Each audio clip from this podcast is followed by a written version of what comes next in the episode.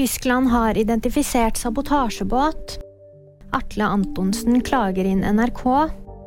Og én av fem mener kvinnedagen er unødvendig. Tyskland har identifisert båten som ble brukt i Nord Stream-sabotasjen. Det melder ARD og Zeit. Seks personer skal angivelig ha leid båten, og det skal ha blitt funnet rester av eksplosiver om bord.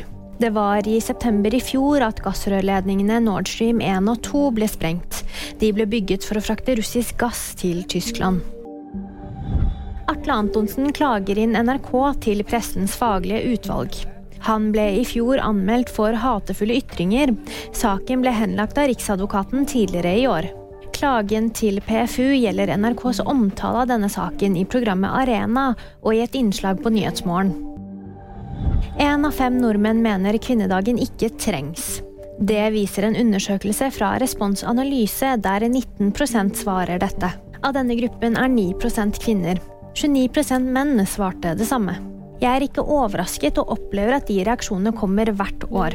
Det sier samfunnsdebattant og komiker Sofie Frøysa til Nettavisen. Det var VG nyheter. De fikk da meg, Drammen Britgard.